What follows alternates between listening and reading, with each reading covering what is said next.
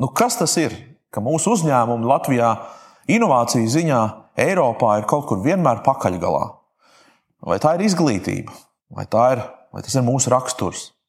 Par to mēs parunāsim ar vienu no jaunu uzņēmumu, ekovidas krustāviem Latvijā, Viesturu Sosāru.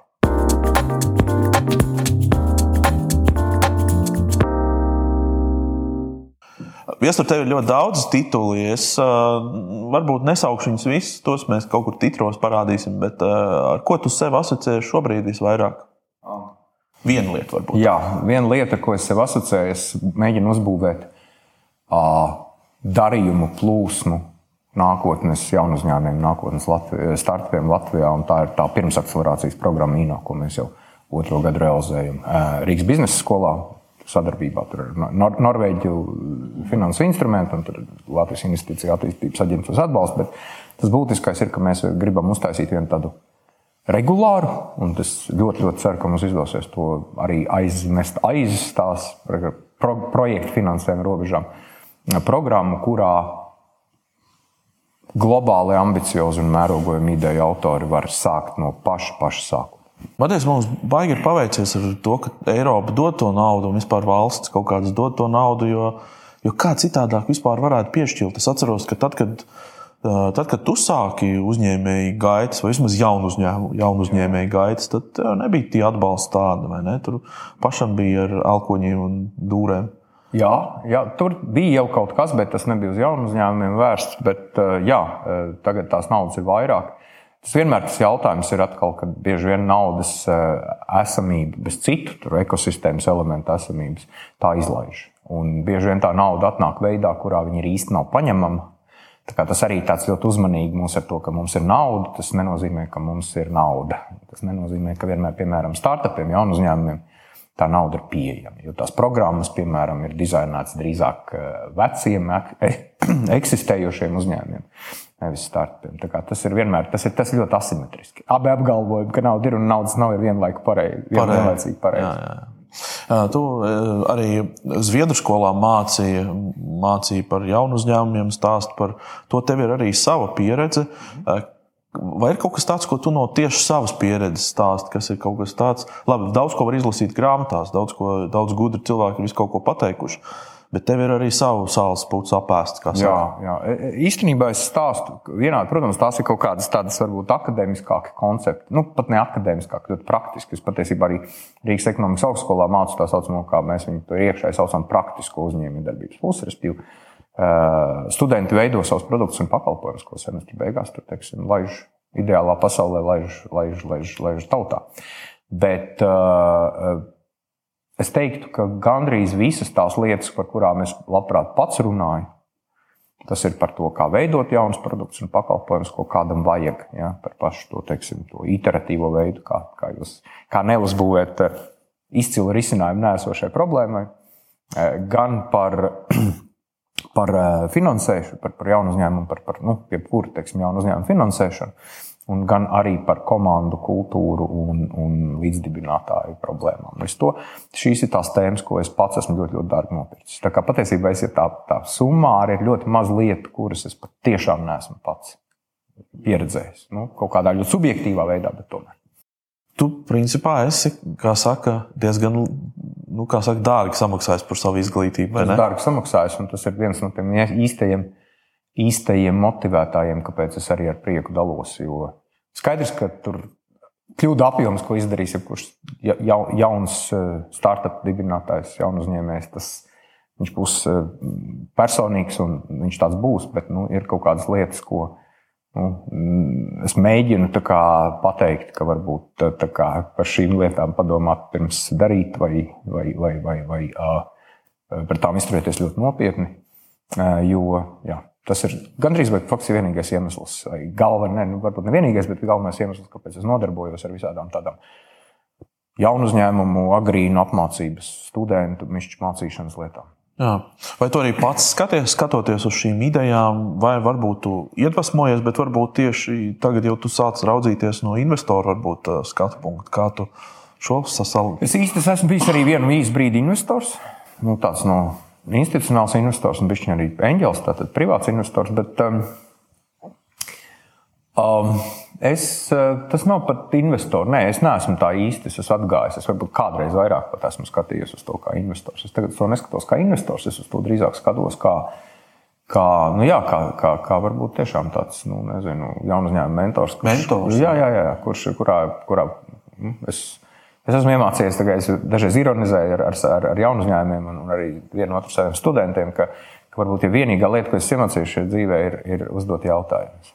Pat ja tā ir vienradža ideja, tavā skatījumā tevī tas nepamodina investoru interesi. Ne. Tā ir tāda pavisam cita tēma. Investors, pasīvs investors, teiksim, finanšu investors, tā ir tā cita loma. Man viņa padevās ļoti slikti, es to pamēģināju, man padevās slikti, jo man patīk darīt nevis tā kā Es esmu diezgan tāds, tādā nozīmē dominējošs. Ļoti, jā, jā, man ir ļoti grūti būt eh, nu, klasiskam finanšu investoram, vienalga privātpersonai vai fondam, jo tur ir vajadzīgs cits kvalitātes. Tur ir vajadzīgs tāds vairāk tiešām nu, skatīšanās no ārpuses, bet, ja man kaut kas tiešām aizrauja, tad es esmu diezgan pārāk tu vienmēr nonāki pārāk ātri iemīlos risinājumā.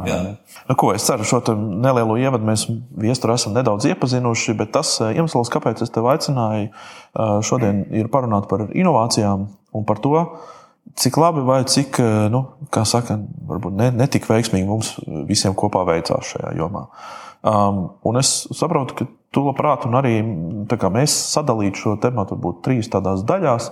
Sākt ar, ar, ar jaunu uzņēmumiem un viņu ambīcijām, varbūt parunāt par maziem vidējiem uzņēmējiem Latvijā kopumā, kas nav startupi, un tad arī par to, ko dara lielie uzņēmumi šajā jomā.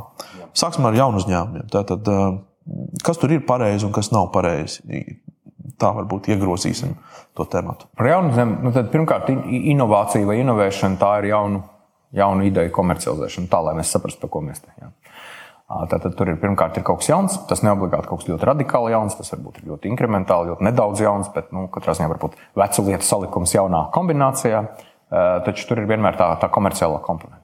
Nu, ka, es pareizi ja pareiz saprotu, zin, zinātnis, nu, tā definīcija ir, ka zinātne, kaut kādā, kaut kāda vienalga kāda veida zinātne, tiek sakrustot ar biznesu. Tajā brīdī ir, tā ir inovācija. Nu, zinātne, tas ir specifiskāk, tas ir šī zinātnes komercializācija un, un ļoti, ļoti neliela, visā pasaulē ļoti neliela daļa jaunu uzņēmumu ir tāda ļoti uh, zinātņu ietilpīga. Tas, tas ir jāsaprot. Tā ir niša, tā ir ļoti svarīga niša, angļuiski to sauc deep tech, latviešu laikam zinātnes zinātnē ietilpīgi. Ja, nu, tie, tās ir tādas baterijas, tur kaut kādas, kas ir saistītas ar ķīmiju, fiziku. Tās ir ļoti daudzas lietas, kas parasti ir materiāla zinātnēs, kas parasti ir inženierijā, kas parasti ir tur, nezinu, bet arī, arī, arī digitālās lietās, arī algoritmi, arī, arī kaut kādas. Mākslīgais intelekts. Jā, jā, jā, jā, tas viss tur ir tāds, kur, kur, kur varbūt ir lielāka tāda zinātnē ietilpīga komponente, bet tā ir tāda, tāda viena, tā ir tāda, pers vienmēr, zin kā, inovācija saistās ar nezinu, zinātnes komercializācija, tā ir viena no citām. Tur daudz ir ideju, kas vienkārši ir. Kas vienkārši ir kaut kādas kombinācijas no lietām, kas neeksistē, vai aizņemšanās, vai prakses kaut kādas biznesa modeļi no kaut kādas citas nozares. Uh, tad, lūk, uh, jaunu uzņēmumu startup gadījumā ir tā, ka uh, Tur jau tas ir vienīgais viņu iemesls eksistēt, ir radīt jaunus produktus un pakalpojumus. Nu, šis tik vienkārši. Tad, tad, tad kā inovācijas apjoms ir 100%, 100 no tā, ko viņi nodarbojas. Papildus, protams, eh, nu, tur mēģinot piesaistīt finanses, veidot komandas, bet nu, kā, viņu produktu būvēšana pēc būtības ir inovācija vai pakalpojuma. Retāk produktu biežāk. Uh, bet uh, tas, uh, tur ir vairāk tāda ekosistēmas stipruma vai vājuma jautājuma. Un atbildot uz to jautājumu, kā mums veicas un, un, un, un, un, un kā, kā, kā mēs tur izskatāmies, nu, es teiktu, ka, protams, kā vienmēr ar kaut, ko, ar kaut ko ir jāsalīdzina. Lai saprastu, kā, kā iet mums, tur parasti salīdzinājums ir vietām. Parasti mēs salīdzinām ar kaut kādiem Baltijas kaimiņiem. Tas ir tāds klasisks salīdzinājums. Uh, tad mēs varbūt salīdzinām ar kaut kādām līdzīgākām, nu, hipotētiski līdzīgākām vietām uz pasaules un ekosistēmām. Paliekot pie tā Baltijas kaimiņu salīdzinājuma, mēs esam visšvakākie nu, redzam visšvakākie. Ar to es negribu nevienu tagad iedzīt mazvērtības kompleksā, ka tā tam būs. Nu, tas ir fakts. Jā. jā, tā tam būs būt, bet nu, būsim godīgi. Mēs esam vis, visšvakākie. Un, uh, un tur ir virkne iemeslu. Tur ir, tā ir tāda, es teiktu, ka tur ir, tam ir vesela varbūt, saruna vēl par to vajadzīga, bet tā pavisam īsi. Manuprāt, cik tālu manos novērojumos, tā ir kaut, kāda, kaut, kāda, kaut kāds faktoru kopums. Tur ir faktoru kopums, un tur var runāt. Tādas es pāris vienkārši iemetīšu idejas par tiem faktoriem, kas man liekas, ir spēlējuši to savu lomu. Uh, viens faktors pilnīgi noteikti ir uh, vispārīgā attieksme pret dzīvi uh, cilvēku. Un mēs varam, protams, teikt, ka mēs esam ļoti līdzīgi, un tā ir taisnība. Mēs kaut kādā mērā esam arī atšķirīgi. Un tādas divas lietas šajā tēmā, kā, kā izturēt, tas, tas ir vispārnājums. Un kā katram vispārnājumam viņš ļoti nepateicīgi lieta vispārināt, vienmēr izņēmuma gadījumu. Un, protams, ka Latvijas startup ekosistēmā ir pilns ar cilvēkiem, kas varbūt šādām kategorizācijām neatbilst, neko es tagad teikšu. Bet vidēji tomēr mums, mums ir labi, kā ir. Ja? Mēs esam tādi, angļuiski to sauc low maintenance. Ja? Un tad, ja tev ir labi, kā ir, tu ne, ne, nemeklē intuitīvi, tu nemeklē risinājumus problēmām. Tev ir labi, kā ir. Pašpietiekami tāda. Pašpietiekami, bet tev ir labi, nu kā, nu kaut kā jau, kaut kā jau iet. Ja. Un, un tas kaut kādā veidā, manā novērojumā, tas ir saistīts ar kaut kādu arī tīri tādu personīgu ambīciju trūkumu. Es, nu, strādājot arī ne tikai kā, Baltijā ar, ar kaut kādiem jaunu uzņēmumiem, ar startupiem, bet Eiropā un arī, piemēram, Grūzijā. Pasaules bankas projektā es diezgan ilgu laiku biju Grūzijas ekosistēmai diezgan tuvu. Es varu diezgan droši apgalvot, tas ir subjektīvs viedoklis, es to neuzspiežu, bet es varu diezgan droši apgalvot, ka mazāk ambiciozu nāciju kā, kā latviešus, Latvijā dzīvojušos, es neesmu redzējis nekur. Tā kā mums viss ir labi un mums neko nevajag. Un, Un mēs, eh, mēs nejūtam. Bieži vien mēs, mēs varam, tagad es negribu aizfilozofēties tik tālu, bet man personīgs secinājums, mēs, mēs, mēs īsti nejūtamies kā saimnieki. Mēs jūtamies, ka, ka pasaule mums kaut ko parādā, un ka mums kādam ir ka, ka, ka kāds, kāds mūsu vietā parūpēsies par kaut ko. Un šis traucē. Tā vienkārši tā cilvēcīgi traucē. Un es nedomāju, ka tas ir tiešā veidā milzīgi. Uh, nu, tā kā jaunu uzņēmumu dibinātāju vai sācēju vidū ir, ir ir, ir, ir uzkrītoši. Protams, ka tie ir citi nu, cilvēki. Izkristalizējās tie ir citi tādi, cilvēki, bet vienkārši nu, sabiedrībā pastāvot noteiktam daudzam cilvēku, šādu cilvēku, kas ir gatavi uzņemties, uzņemties atbildību, būtībā ir, ir mazāk. Tas ir viens. Lai gan mēs esam, protams, izpildītāji, super atbildīgi. Ja? Priekšstrādnieki mēs esam izcilākie varbūt uz Eiropā. Citus varam padzīt ar nūju un pašsoļojumu raiti, bet, bet mēs nevaram uzņemties atbildību. Uh, tas ir viens. Uh, otrā lieta, kas, kas izriet no pirmās, un tad vienmēr varam runāt, vai tas ir tas, tas, tas, tas veids, kā mēs redzam to pasauli ietekmē to vai nē.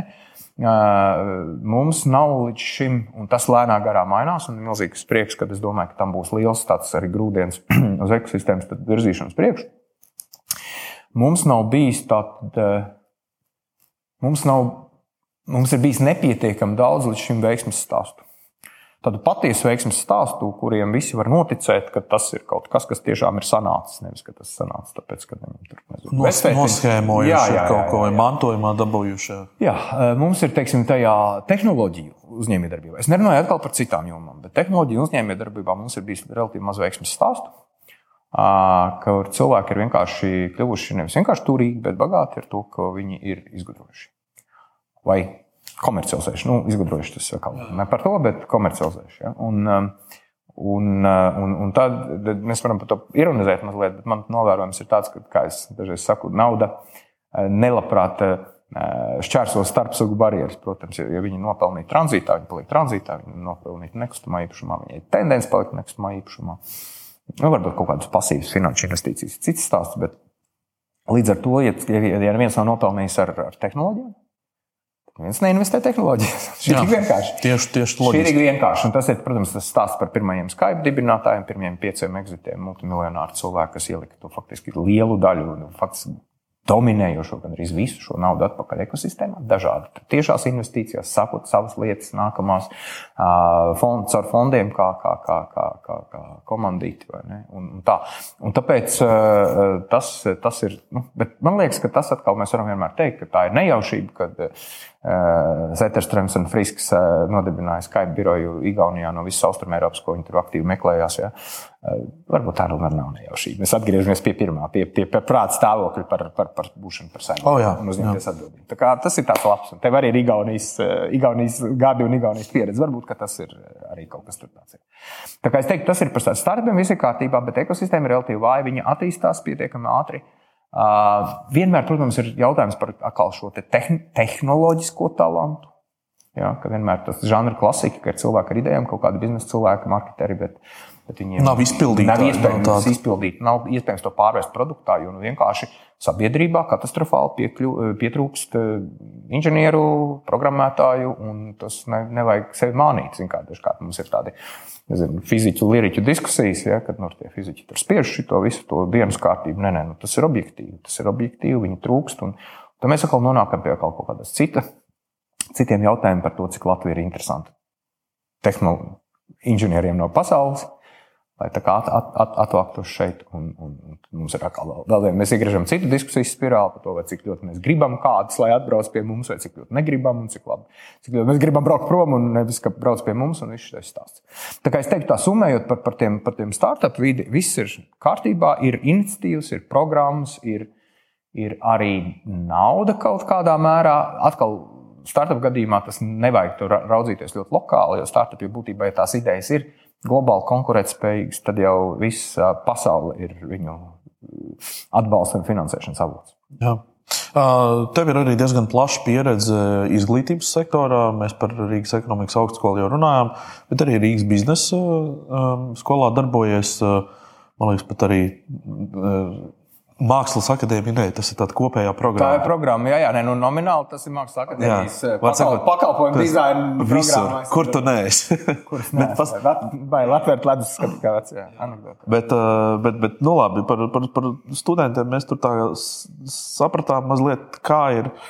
Kā ir tā izglītības sistēma? Jo daudz saka, nu, redz, ka tur jau izglītības sistēma pie vis vainīga. Kā, kā tu redz viņu no iekšienes? Un, uh, Un, un kas tur notiek? Vai tur, vai tur tās ambīcijas kaut kādā mērā tiek celtas, vai tur tā pašapziņa tiek varbūt pārdīta? Nu, ne pašapziņa, bet pašpietiekamība tiek pārdīta mazliet. Un... Nu, man ir ļoti, man ir ļoti vienpusējs skats, jo tiešām ar studentiem tā īsti, nu, maģijas programmu pieminējām, bet tas ir mazliet citādāk, un tas arī tā starptautiskā starptautiska programma. Tur Latvijas studentu nav nemaz tik daudz eh, dienas beigās, bet uh, bet eh, man par, par, par, par nu, vienīgā, vienīgā mana saskara, tiešā saskara ar studentiem, tā ir bakalaura, par, praktiskā uzņēmējdarbību bakalaura programmas eh, studentiem Rīgas ekonomikas augstskolā, Zviedru skolā. Ja? Tā kā man, protams, šis ir ļoti, tas ir tāds. Nu, specifisks paraugs. Jā.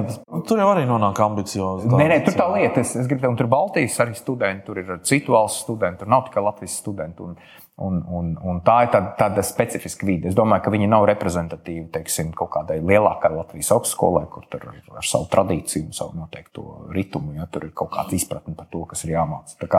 Es teiktu, ka man ir ļoti grūti no iekšpuses. Es teikšu tā, es no iekšpuses pateikt nevaru. Tas, kas, tas, kas man liekas, ir, ir ļoti svarīgi, ir tas, ka Tas, ka mēs kaut kādā veidā atrodam, bet tas ir droši vien vidusskolas uzdevums, tas nav augstskolas uzdevums. Mēs atrodam to līdzsvaru starp, starp stēmu, ja, starp, starp dabas zinātnēm un, un, un, un, un humanitārajām zinātnēm. Jo visu laiku nu, tas, tas svārds ir. Es, atceros, es, es mācījos valstī, kur, paldies Dievam, izbeidzās 30 plus gadus atpakaļ. Jā, tur bija Tur bija uh, tur viens virziens, un tad tas viss, tas, tas svārsts aizgāja. Tur, manuprāt, bieži, bieži vien pilnīgi otrā virzienā, un, un tas balanss tur nav. Mēs kaut kā likās, ka nu, mums jau būs, mums tā, tā tradīcija, tā dabas zinām, tradīcija, vai ne? Tur vēsturiskā liela, un kā mēs viņu pazaudēsim. Jūs bijat gatavi, mēs tur 15 gados pazaudējām. un, uh, tāpēc man liekas, ka ka varbūt tā, tā ir tāda vidusskolas uzdevuma. Man jau vispār liekas, ka vidusskola ir tāda Jā. kritiska lieta, lai tu apzinātos sevi profesionāli. Sāk. Nu, ne, ne tā kā profesijā, bet prof, savu, savus, savus intereses profesionāli. Jā, par tām ambīcijām runājot, tad tur sanāk, ka vidusskolā mēram tas, ko tu redzi, nu, ko tu gribētu dzīvē darīt, ja tev pat arī gribās to, to programmēšanu, piemēram. Nu, piemēram ja? Tad nu, tev ir divas izvēles. Nu, tu draugi aicina, nāc, taisīsim jaunu uzņēmumu. Mēs te nezinām, kā mēs izdzīvosim. Vai, vai arī mums dienu pēc autors Maksims savāca viņus uz Accenture pie, pie sevis. Nu, tā, nu, nāciet strādāt, jā, un jā. tad būs alga. Un daudz jau izvēlās. Nu, tā, Bet tas nav, tā, tā nav pretruna. Par to nevajag uztraukties. Es par to zinu, kā tu vienmēr tas, jā, mums tur ir kaut kādi eh, lielās uzņēmumi, darba devēji, tur noslauc visus tur tos, eh, piemēram, izstrādātājus, inženierus, programmētājus, ko tur nevēl. Es domāju, ka tas eh, ir, es domāju, cilvēka, ambicioza cilvēka gadījumā eh, nauda ir ļoti svarīgs motivētājs. Ne, nu, ne, nemanīsim sevi, bet tas nav galīgi nav vienīgais. Un pēc kaut kāda līmeņa tas vairs nav galvenais. Un, un man liekas, tas pat vispār, nu, tas, ko es mēģinu dažreiz saviem studentiem, tiem, kas drosmīgāk uzdod man šo jautājumu, man tagad kā, ko man darīt, ja, tad es vienmēr saku, ejiet, apgūstiet profesiju kaut ko iemācīties. Esat programmā, iemācīties nu, praktiski ja, dzīvē, izmēģināt to, to darba ņēmēju, kurpes programmēt, inženieri, mārketings, dariet dizains. Dariet kādam droši vien sākumā, iemācieties visu, visu, visu eh, to eh, cunftas mākslu, un tad, ja jums ir uh, pašrealizējoša vai kaut kāda cita ambīcija, vai jums ir, piemēram, jūs redzat, jūs iepazīstat ar laiku, nevis uzreiz pēc skolas soli, bet iepazīstat ar laiku reālas problēmas, kurām tiešām pasaulē ir eksistē un kurām vajag risinājums, tad atgriezties un, un, un, un sākat savu, savu uzņēmumu. Jo, jo uzņēmēji, uzņēmīgums un uzņēmība jau ir, ir, ir tāds prāta stāvoklis, tā nav profesija. Tev ir kaut kas jāprot, un tad tev ir šis te drives vai netaisīt savas lietas. Vai mums ir kļuvis vairāk startup veidotāji, 40 gadnieki, kuri tiešām, nu, vai es, es varbūt tagad vienkārši tā, lai tie nav jaunieši tikai, ja, kas veido startups, bet arī nu, Jā. gados vecāki. Noteikti, cilvēki. varbūt 40 ir tāds, vēl, es teiktu, 50 plus. Tas, ko es novēroju, tāpēc, ka nu, tas ir tur, tas visā pasaulē. Mēs vēl tur neesam īsti tādā tendencē, tādā ļoti novērojamā, bet visā pasaulē tas ir 50. Plus, vai tur nezinu, 55, plus, bērni ir paaugušies, tev nav sociālo saistību, tu vari atļauties riskēt. Lūk, atbild. O, ļoti labi. Jā. Tas arī tā kā ir, ir vēl tur. Ir, ir jau parādījušies buzzwordi kā, kā silver econo, economy un, un viss šitais. Jā, jā, tad, tad, nu, tas ir sirmā, jā, jā, jā, jā, sirmā ekonomika. Jā.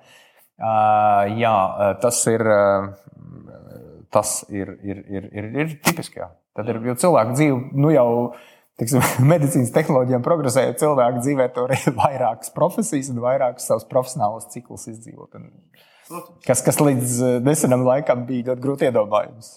Tieši cilvēka dzīve, vidējā dzīves ilguma dēļ. Nu, labi, pieķeramies mazliet vidējiem, vidējā līmeņa tam mazajam vidējiem, SMIs. Tad, tad atšķirība, ja kas mums klausās, kāpēc, kāpēc mēs te runājam, nodalām jaunu uzņēmumus un kaut kādus mazus uzņēmumus. Mazie uzņēmumi ir tādi vienkārši uzņēmumi, kuriem nav tādas iespējas, viņu biznesa modeļa dēļ nav iespējas strauji augt. Tad tie ir kaut kādas lineāras lietas, kaut kādas ražotni, ražotnes, arī pakalpojumi un vispārējais.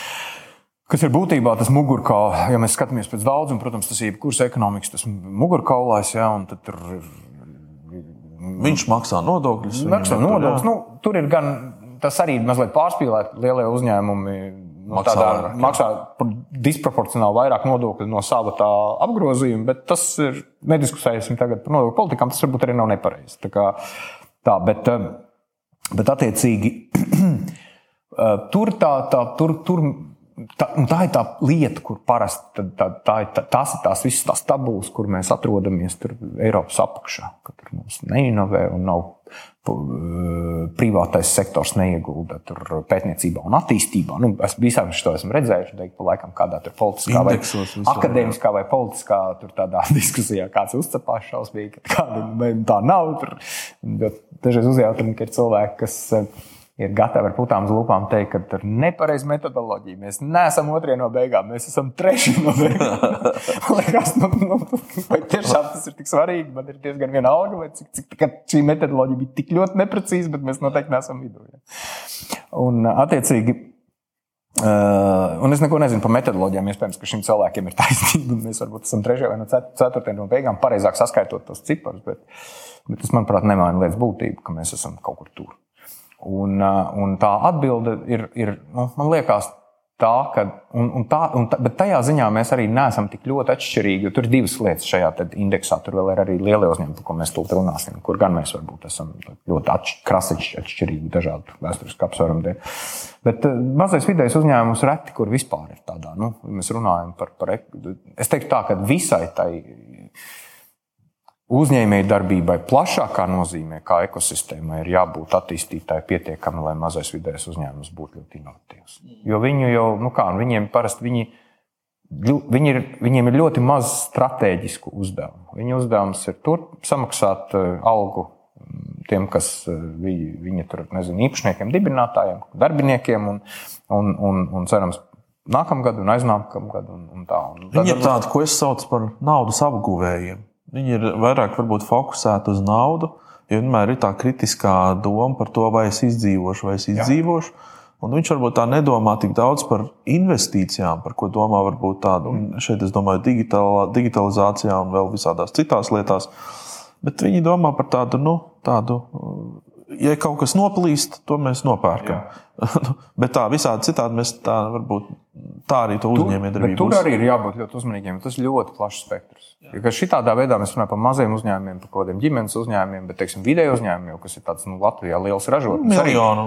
Latvijā 10 miljonu arī. Jā, jā. 30 miljonu apgrozījums gadā. Joprojām ir vidējais uzņēmums pēc jebkuras definīcijas. Jā. Tā kā mums jau tas liekas, wow, wow, wow, beigās uzņēmums. Un tur jau ir mazliet citi principi. Un, Un, bet tā galvenā, nu, tā mana, mans novērojums ar šiem uzņēmumiem ir tas, ka ka tur ir vairāk, saku, tur nav tāda strateģiska, skaidrs stratēģijas, kur mēs gribam. Nu, no punkta A, arī stratēģija ir, bet grūti to tā, taktisko izpildīt. Punktā B.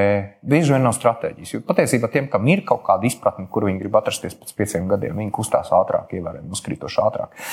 Un tas ir tāds, tāds interesants lieta, un tad parasti nu, tas ir jautājums par efektivitāti. Nu, jebkura uzņēmuma kontekstā tas ir jautājums par efektivitāti. Un uh, skaidrs, ka inovācijas palīdz arī būt efektīvākiem, nezinu, automatizēt lietas, piemēram. Ja? Un tas, viņi, ir, viņi, ir, viņi ir pasūtītājs vairums. Klasiskā gadījumā vidējais, nu, varbūt mazos tiešām noliekam malā, bet vidējais uzņēmums klasiskā gadījumā visā, visā pasaulē ir inovācija nevis izstrādātājs, bet vairumā gadījumā. Bet pasūtītājs, tad viņš saka, hei, man tur vajag, nezinu, lai, lai man tā ierīce divreiz vairāk uh, iztaisa tur detaļu. Nu, es trivializēju. Jā. Un ko mēs par to darīsim? Vai mēs tur noliksim viņai divreiz vairāk cilvēku klāt, vai mēs tur kaut kā noautomatizēsim to procesu? Un mēs līdz šim esam likuši divreiz vairāk cilvēku. Slēgt. Skaidrs, ka cilvēki ātri izbeidzās. Vispār ir stipri izbeigušies jau labi, saprātīgi cilvēki, kas var un grib strādāt. Ir, ir izbeigušies jau labu laiku iepriekš. Un tad eh, vienkārši eh, tā. Es domāju, ka tas, tas ir mans vienīgais izskaidrojums. Man nav varbūt to ļoti, ļoti dziļas teorijas, ka tas, tas strateģiskums trūkums tad, tad liek meklēt citus ceļus tur, nezinu, varbūt nesamaksāt kādam, varbūt tur ne, nu, tā atkal ir ideja, varbūt kaut kādā veidā tur uh, nesamaksāt valstī. Bet tas droši vien mums, tā ir bišķiņa arī pagātne, bet nu, tomēr, tomēr tas veids, kā ekonomēt, viņš ir tāds. Mm, atkal jau tāds uh, ekstensīvs, ekstensīvs nevis tāds, tāds intensīvs, ka mēs varētu varbūt izdarīt nevis ABB, bet uh, BAB un, un pēkšņi kaut kas uh, izmainītos. Ja? Kā, tas ir par, par šo daļu. Bet tad vēlreiz viņi ir, viņi ir, viņi ir inovācija pircēji. Tipiskā gadījumā viņiem vajag trešās puses, kas to dara priekš viņiem. Tad ir visādi kontraktu izstrādātāji, pakalpojumu sniedzēji. Visādi. Energoefektivitāte burvīgs piemērs šajā tēmā, starp citu. Kas tūlīt, es domāju, nu, un no šeit es gribu vienkārši ļoti lietu uzsvērt par šiem, ka inovēšanas vislielākais dzinulis, tās nav vīzijas vai, vai kaut kādi pasaules uzskati, tā ir nepieciešama. Jo, ja tev deg dienvidu gals, tad tu kustini kājas. Tik ļoti vienkārši. Un tāpēc tādā nozīmē man liekas, ka daudzas lietas varbūt arī šis vidējais uz, uzņēmums Latvijā vajadzēs viņam kaut vai piemēram šajā enerģētikas domēnā vajadzēs pārvērtēt ļoti, ļoti ātri, tāpēc ka nu, draugi nav labi. Ja? Šitā mēs nevaram vairāk. Mēs, mēs, mēs strādājam mīnusos vai pa nulēm. Jā. Nu, un tie uzņēmumi, kas Latvijā skaitās lielie uzņēmumi, kā, kā tu vērtē, kā viņiem ir ar inovāciju ieviešanu? Latvijā ir interesanti situācija. Šī ir ļoti mīļa tēma, jo liela, liela daļa savu laiku, man lūdzu, par cepuriem, viņš pastāstīties pēdējā laikā vēl to eh, tieši strādāt ar korporatīvu inovāciju, tad ar lieliem uzņēmumiem Baltijā, palīdzot viņiem kaut kādā veidā domāt par jauniem produktiem, pakalpojumiem. Lūk, tā, tā, tā situācija Latvijā ir ļoti, ļoti interesanta. Vēsturiski apstākļu dēļ Latvijā visi Izņemot, ir daži izņēmumi, kas, kas šim likumā neiekļaujās, bet Latvijā visi lielie, nopietni lielie uzņēmumi ir ar valsts kapitālu īpatsvaru. Tuvu 100% vai tur arī. Nu, vismaz domina, vismaz kontrolējošie. Ja. Un, uh, un, attiecīgi, uh, tur ir tā, tas ir tāds mandāta jautājums. Tas ir tāds politisks jautājums, ka līdz nesen, un tā ir mana interpretācija. Man, man, es, es nevaru, ja kāds man tagad teiks, ka apgāzīs, ka, ka es te meloju, tad varbūt man būs grūti aizstāvēties, bet tas ir tas, kā es to esmu sapratis un kā es to interpretēju. Uh, ņemot vērā, ka tie ir publiski, mums visiem piederoši dienas beigās, ne mums visiem. Nē, es saprotu, nepareizi, bet, bet, nu, jā, jā, valsts, Latvijas valstī vienādi vai otrādi piederoši uzņēmumi. Latvijas valsts līdz šim ir ļoti, bijis ļoti uzmanīga. Nu, droši vien publikās mantas pār, pārvaldības un uzmanīšanas tādā kontekstā ir bijusi ļoti uzmanīga dot šo mandātu inovēt. Jo valsts uzņēmumus mēs vairāk uzskatām kā, kā tādus uh, bāzes pakalpojumu sniedzējus. Vai tas ir telekomunikācijas, vai tā ir enerģētika un, un tā tālāk. Un tā tālāk uh, kur pretī uh, visās šajās nozarēs ļoti, ļoti strauji attīstās lietas. Un, ja mēs vienkārši uztveram to, ka valsts uzņēmumiem ir jāsniedz pakalpojums un, un tad jātur mute, un viņi nedrīkst, un sapratīsim, ka inovēšana nav kaut kas ļoti paredzams. Tā ir tāda vienkārši arī tāda, nu, manuprāt, tā ļoti saprotama politiska dilemma, kad vairums no jūsu jaunajiem projektiem nesanāks. Nu, tā vienkāršot runājot. Bet daži varbūt pietiekami ilgi kaut ko darot, daži sanāks. Un tad ir jābūt politiskai gribai, lai, lai tu piekristu. Tam, ka kaut kas ir nodokļu maksātāju naudu ieguldīt lietās, kas visdrīzāk nesanāks. Es tagad tādu ekstremalizēju, bet nu, tā, tā loģika uzreiz, tāda ir. Valsts tur uzreiz ir valsts kontrole, un, un tur nezinu, vēl kaut kāds saka, paga, paga, paga, kas tas bija. Tur viss ir 200 tūkstoši norakstīts. Kas šitais? Ja? Un tas ir, ir atbilde šim jautājumam, kāpēc mums, piemēram, ir benefits vai ne. Tur, nezinu, Latvijā un, un, un Igaunijā. Var arī saprast, tā, Mēs aizējām uz Rīgas satiksmi un viņiem prasām par nano ūdeni. Viņi saka, tas bija mūsu. Ja, Tas bija mūsu inovācija Jā, projekts. Nē, nu, protams, nē, tas ir. Tas Visu ir, var paslēpt zem. Tur, tā lieta, tur ir tā lieta. Ir, bet, bet mēs atkal nonākam pie filozofēšanas par vispārīgu uzticēšanos sabiedrībā. Tas mums ka, ka, ka, katastrofāli pietrūkst. Jo, mēs, jo uzticēšanās viņai ir tāda pašpietie, pa, pa, paš, pašpiepildoša tāda, tāda, tāds, tāds apsolījums, tāds pareģojums, ka tu vairāk uzticies, jo cilvēki mazāk melo.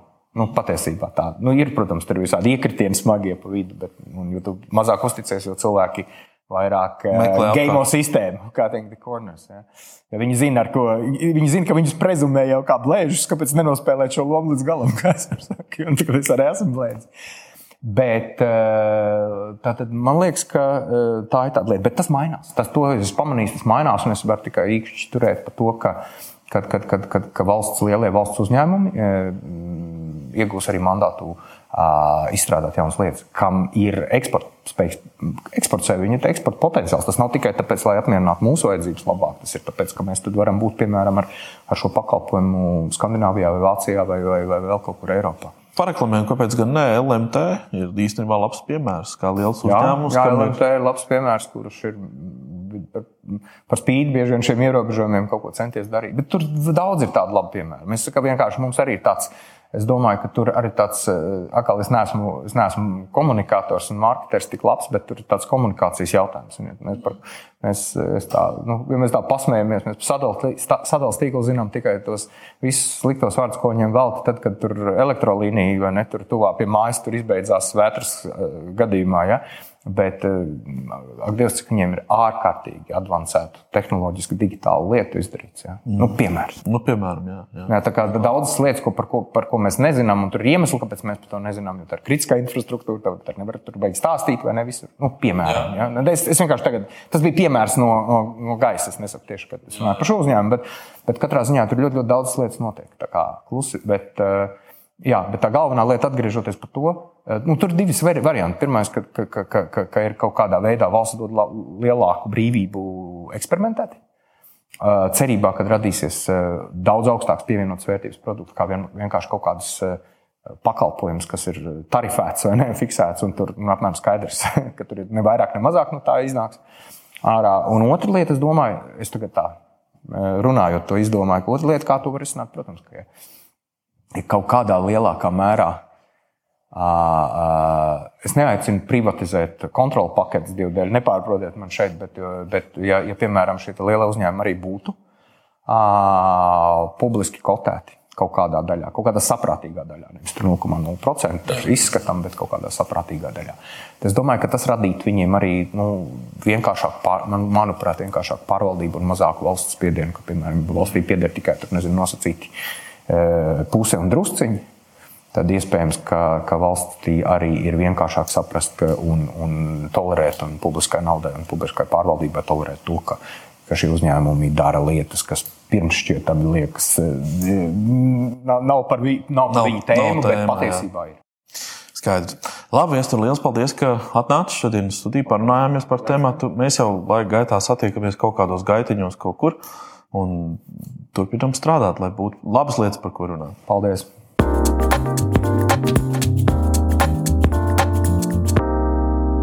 Krāsls vēl ir silts, bet atziņu jau ir daudz. Un uh, galvenā varbūt tāda atziņa no sarunas ar viesturi ir tā, ka mums ir jāpiestrādā varbūt ne tik daudz arī pie izglītības sistēmas, kā pie savas pašapziņas, pie savas, uh, savām ambīcijām. Un ambīcija trūkums ir tas, ar ko arī es daudzreiz cīnos sevi, un es zinu, ka cīnās arī mani kolēģi. Tā kā Visi kopā izcīnot šo cīņu, es domāju, mēs arī varēsim runāt par inovācijām Latvijā.